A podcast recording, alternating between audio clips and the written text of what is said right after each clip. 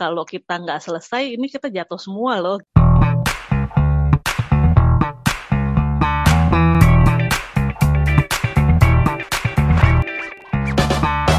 Halo good people and listeners, kembali lagi bersama Rizka Ritvi yang akan menemani waktu mendengarkan teman-teman semua di mana pun berada. Tentunya masih di Focus Voice of Ghost Podcast, segmen Cireng, Chit Chat bareng Ghost People, episode ke-7.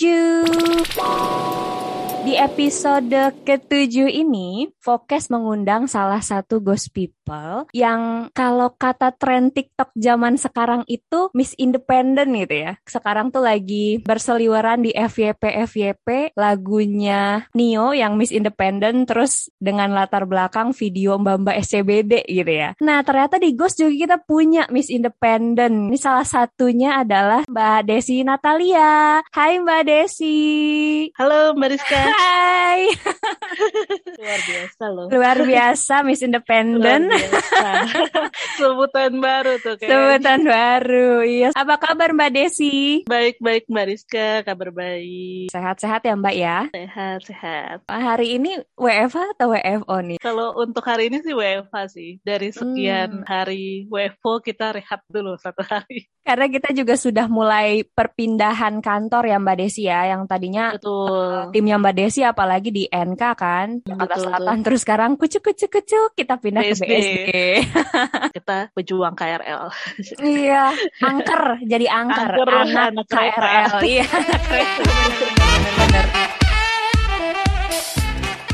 Di bisnis dan operation itu kan waktu adalah segalanya. Konsepnya adalah satu menit itu udah kayak satu jam gitu kan. Waktu itu ngelihat di NK gitu kan kayak, waduh pokoknya serius banget lah kalau udah nangkap gitu ya, layar. Kayak udah tersetting gitu ya. Iya, Mbak. iya, bener banget. ya jam segini ya hanya diem dan lihat monitor aja gitu. Sebenarnya sih di bisnis kalau dibilang kaku-kaku banget sebenarnya enggak. Tetap ngobrol-ngobrol gitu. Cuman eh, ya ngobrol sambil ngetik mbak.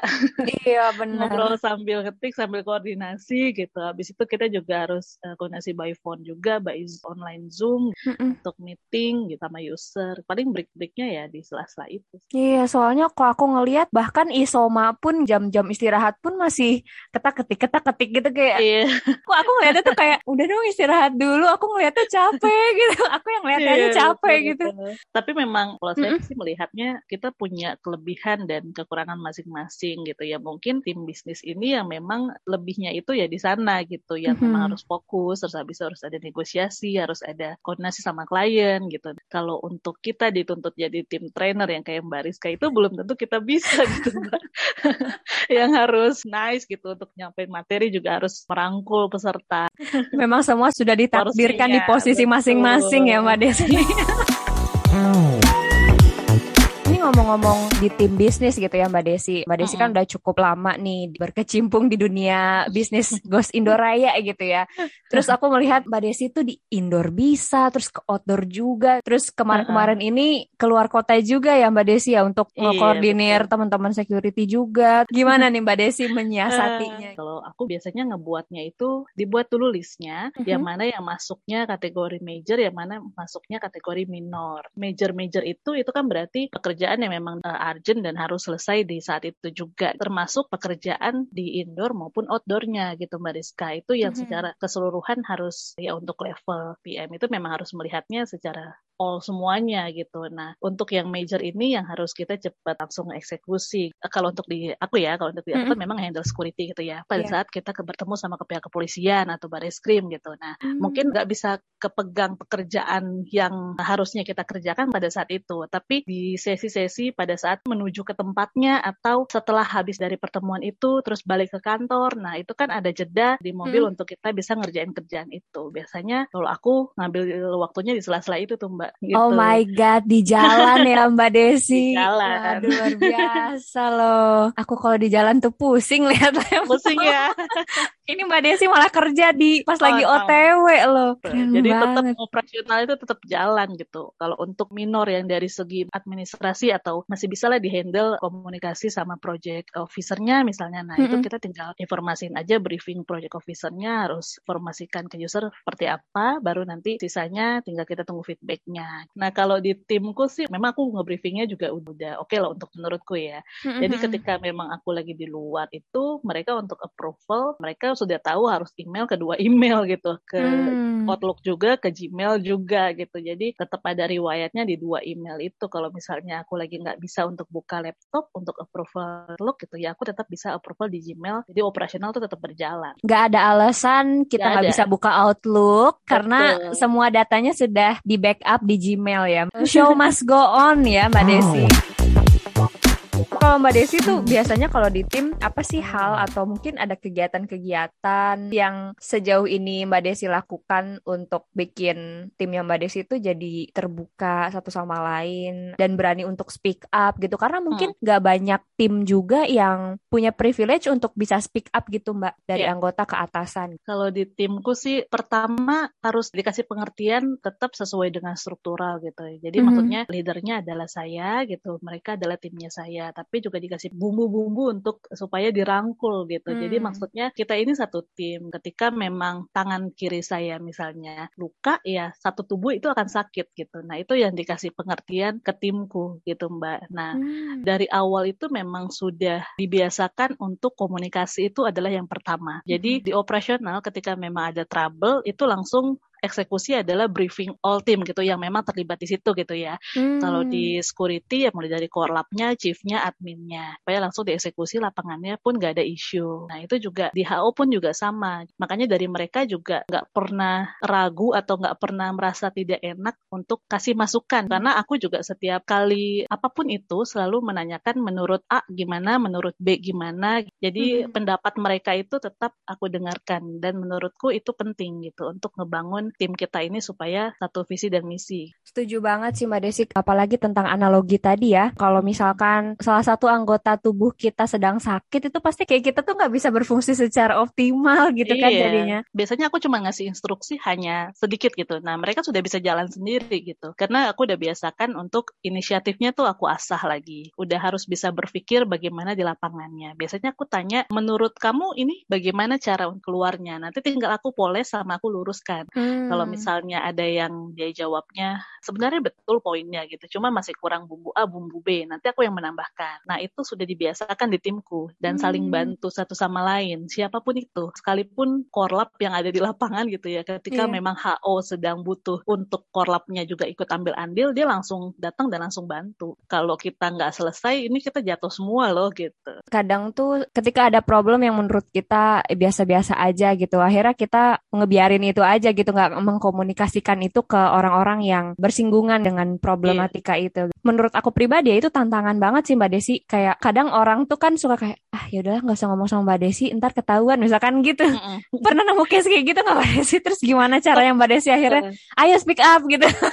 Kalau di timku sih sejauh ini sih enggak Mbak. Justru ah. mereka malah ngomong apa adanya. Bahkan kadang-kadang kalau saya kan juga mikirinnya agak lumayan banyak gitu. Kadang-kadang suka oh, skip gitu. Nah mereka yang keingetin Mbak untuk ini begini ya Mbak. Oh ya oke. Okay. Kalau aku melihatnya timku adalah pelengkapku gitu. Jadi hmm. kalau mau berperang ya mereka peluru-pelurunya gitu. Kalau untuk nggak enakan sejauh ini sih aku nggak pernah mendapati hal itu gitu. Nah justru ketika mereka melihat ke yang lain ya gitu. Misalnya hmm. ada yang seperti itu gitu. Mungkin sungkan dengan atasannya. Menurut mereka justru malah aneh gitu. Dan mereka yeah. juga ngomong Mbak kok gitu ya. Aku bilang ya memang setiap leader punya caranya masing-masing masing untuk memimpin gitu kan. Nah, mm-hmm. mungkin karena mereka nggak terbiasa melihat itu dan merasakan itu, makanya mereka bertanya. Karena mm. memang aku sering banget bilang, mendingan bicara apa adanya saat ini juga supaya clear, supaya nanti setelah dari pembicaraan ini nggak ada yang merasa ada pertanyaan lagi atau ada rasa janggal atau rasa nggak enak. Sesi sesi untuk diskusi itu penting sih mbak. Nah, sesi betul untuk banget. curhat gitu ya. Mm-mm. jadi memang di sela-sela pekerjaan itu pasti aku selalu menyempatkan itu gitu ya. Seminggu sekali atau seminggu dua kali. Nah itu aku kumpulin semua untuk ayo kita ngobrol bareng yuk gitu. Walaupun via online mungkin gitu. Karena kan Hmm. eh, satunya di mana satunya di mana gitu kan mbak. Di lapangan mana gitu. Wah, keren banget sih. Dengan usia kita nggak beda jauh ya Mbak Desi ya. Cuman ya aku melihatnya sisi leadership yang Mbak Desi itu aku personally kagum beberapa kali juga kan Mbak Desi request training terus ya kita beberapa kali tektokan juga. Aku melihat kayak yang wah Mbak Desi bisa jadi salah satu panutan aku sih di kantor gitu. ini Ini belum, mbak tapi Belum, ini belum, honestly honestly gitu. Oh, berarti kalau Mbak Desi bisa aku juga harusnya bisa sih. Jadi Bisa thank you. Mbak Desi udah jadi motivasi Mbak. buat aku.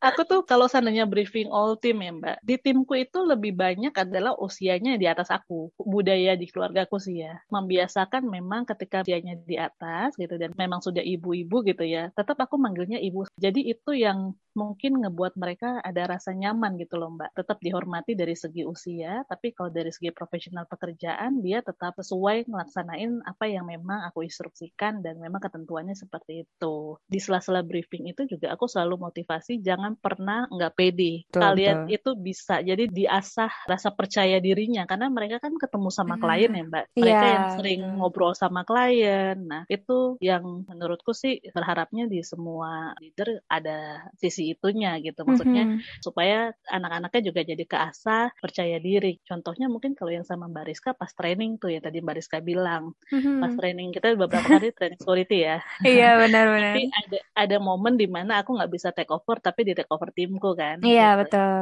Dan mereka tetap bisa jalan gitu. Challenge sih menurut aku untuk Betul. bisa nge-handle dengan pautan usia yang mungkin Betul. rada jauh gitu ya. Terus Betul. yang satunya mungkin rada gaptek, yang satunya udah Betul. teknologi savvy gitu kan kayak waduh Betul, gitu. betul. Betul, karena Iya. bedanya lumayan terlihat banget Mbak. Iya iya iya yang iya. di yang di HO dengan yang di lapangan itu lumayan terlihat banget gitu. Nah itu masing-masing punya triknya sendiri tuh, nggak bisa disamakan. Kesabaran kita diuji banget ya Iya. Mbak Desi. Tapi kalau aku prinsipnya aku nggak pernah merasa keberatan untuk mengajari seseorang sampai dia bisa berdiri di kakinya sendiri gitu ya. Aku akan ajari itu sampai bisa gimana pun caranya sampai bisa sampai paham supaya memudahkan operasionalnya kita gitu. Karena balik Mhm. lagi ketika memang dia nggak bisa hal yang saat ini harus berjalan kayak Zoom meeting gitu kan, virtual segala macem ya itu akan susah untuk kondisi sekarang gitu. Jadi ya itu tugasku memang selaku leadernya mereka untuk Betul. nge-briefing supaya mereka bisa gitu. Itu terjadi kok timku juga. Ini timku yang aku memang harus ajarkan, yang memang dia harus bisa. Supaya nanti dia dengan siapa pun itu, ya dia sudah bisa untuk lari sendiri gitu ibaratnya. Betul, siapa pun betul. itu leadernya. Nah nanti kan nggak menutup kemungkinan mereka juga jadi regenerasinya aku kan gitu Betul, kan. Misalnya betul. aku sering bilang gitu, ini nggak selamanya aku akan pegang security, ini nggak selamanya aku akan pegang ini segala macam. Nah kalian lah yang nanti akan terusin gitu. Jadi ya jangan malu-maluin gitu ibaratnya. Selama masih ada aku, tolong ilmunya tetap bisa. Benar benar benar. Jangan pernah malu sekalipun kita di posisi kalau dari struktur lebih di atas gitu ya. Jangan Hmm. pernah malu untuk mengungkapkan ini loh kekurangannya kita. Aku Nah, selalu itu ngomongnya tuh ke tim, turunkan ego. Gimana caranya tim kalian mau membantu kalian ketika kalian juga nggak percaya dan nggak terbuka sama tim kalian gitu. Nah, Nah, itu yang aku lakukan juga. Jadi mungkin poin tambahan membuat mereka juga nyaman dan merasa ya leader gue juga ada kurang sehingga gue juga harus melengkapi dia gitu. ya namanya manusia ya ada lupanya gitu. Apalagi kalau udah hektik sana sini kayak udah Wajar, nggak Mbak. kepikiran gitu. Kalau timku bener, mendingan ngomong, Mbak, nih gue salah di sebelah sini nih, kita harus kayak gimana. Lebih ke sharing sih gitu. Nemuin Mhm. solusi bareng-bareng. Betul, dan hal ini tidak akan mungkin terjadi kalau kita sendiri tidak membuka komunikasi itu ya Mbak Betul. Desi ya. Betul gitu. Nah, ya karena memang dia. yang kuncinya adalah kitanya. Betul, Kitanya balik lagi ke diri masing-masing ya. Betul. Bisa untuk mau komunikasi enggak. Keterbukaan itu sangat penting ya. Sebetulnya Mm. nggak hanya di pekerjaan, tapi di hampir semua Kehidupan. aspek kehidupan Betul. kita. Ketika Betul. kita cukup terbuka, bisa terbuka sama orang Betul. lain, masalah kita tuh kayak satu persatu tuh akan ada aja jalannya gitu ya Mbak Desi. Dibandingkan dengan Iya. kita ngekip terus. iya, gitu. nggak ada untungnya mbak. bener banget, bener banget. Kalau untuk tertutup juga kayaknya masih belum tepat gitu. Gitu kalau untuk zaman sekarang sih mbak. Ya betul. Apalagi zaman sekarang tuh kayaknya nggak ada yang bisa untuk dirahasiakan deh gitu. Mm-hmm, semua betul. akses apalagi kalau misalkan aktif banget gitu ya di sosmed. Makanya itu kalau pas di sosmed itu apalagi kalau di WA gitu ya mbak kalau untuk aku. Karena memang kontaknya adalah user-user head-head dan ah, ya direksi gitu. Jadi bijaklah untuk nah. memposting teman-teman. Itu dia. Tolong dipikirkan gitu. Boleh sih kita tuh ekspresif gitu ya, mengekspresikan apa yang ada di kepala dan hati kita gitu. Tapi dilihat-lihat lagi kita ini relasinya siapa aja ya gitu. Yang di kontak kita tuh ada siapa aja. Pikir panjang lah sebelum memposting. banget Mbak Desi udah mau diganggu. Sama-sama. Waktu istirahatnya. Semoga ini bisa jadi insight buat aku iya, tentunya iya, pastinya dan juga ghost people yang ngedengerin ya Mbak Desi. Sehat-sehat terus Mbak Desi. Nanti kita ketemu di kantor ya di BSD. BSD, BSD ya. Siap, Mbak. Alright, Ghost People and Listeners, stay tune terus di channel Focus Voice of Ghost Podcast. Jangan sampai ketinggalan episode menarik selanjutnya. Dan jangan lupa share pengalaman mendengarkan Focus kamu ke seluruh penjuru Ghost Indoraya dari Sabang sampai Merauke. Rizka Ritvi pamit undur diri, sampai jumpa di segmen dan episode selanjutnya. Bye-bye!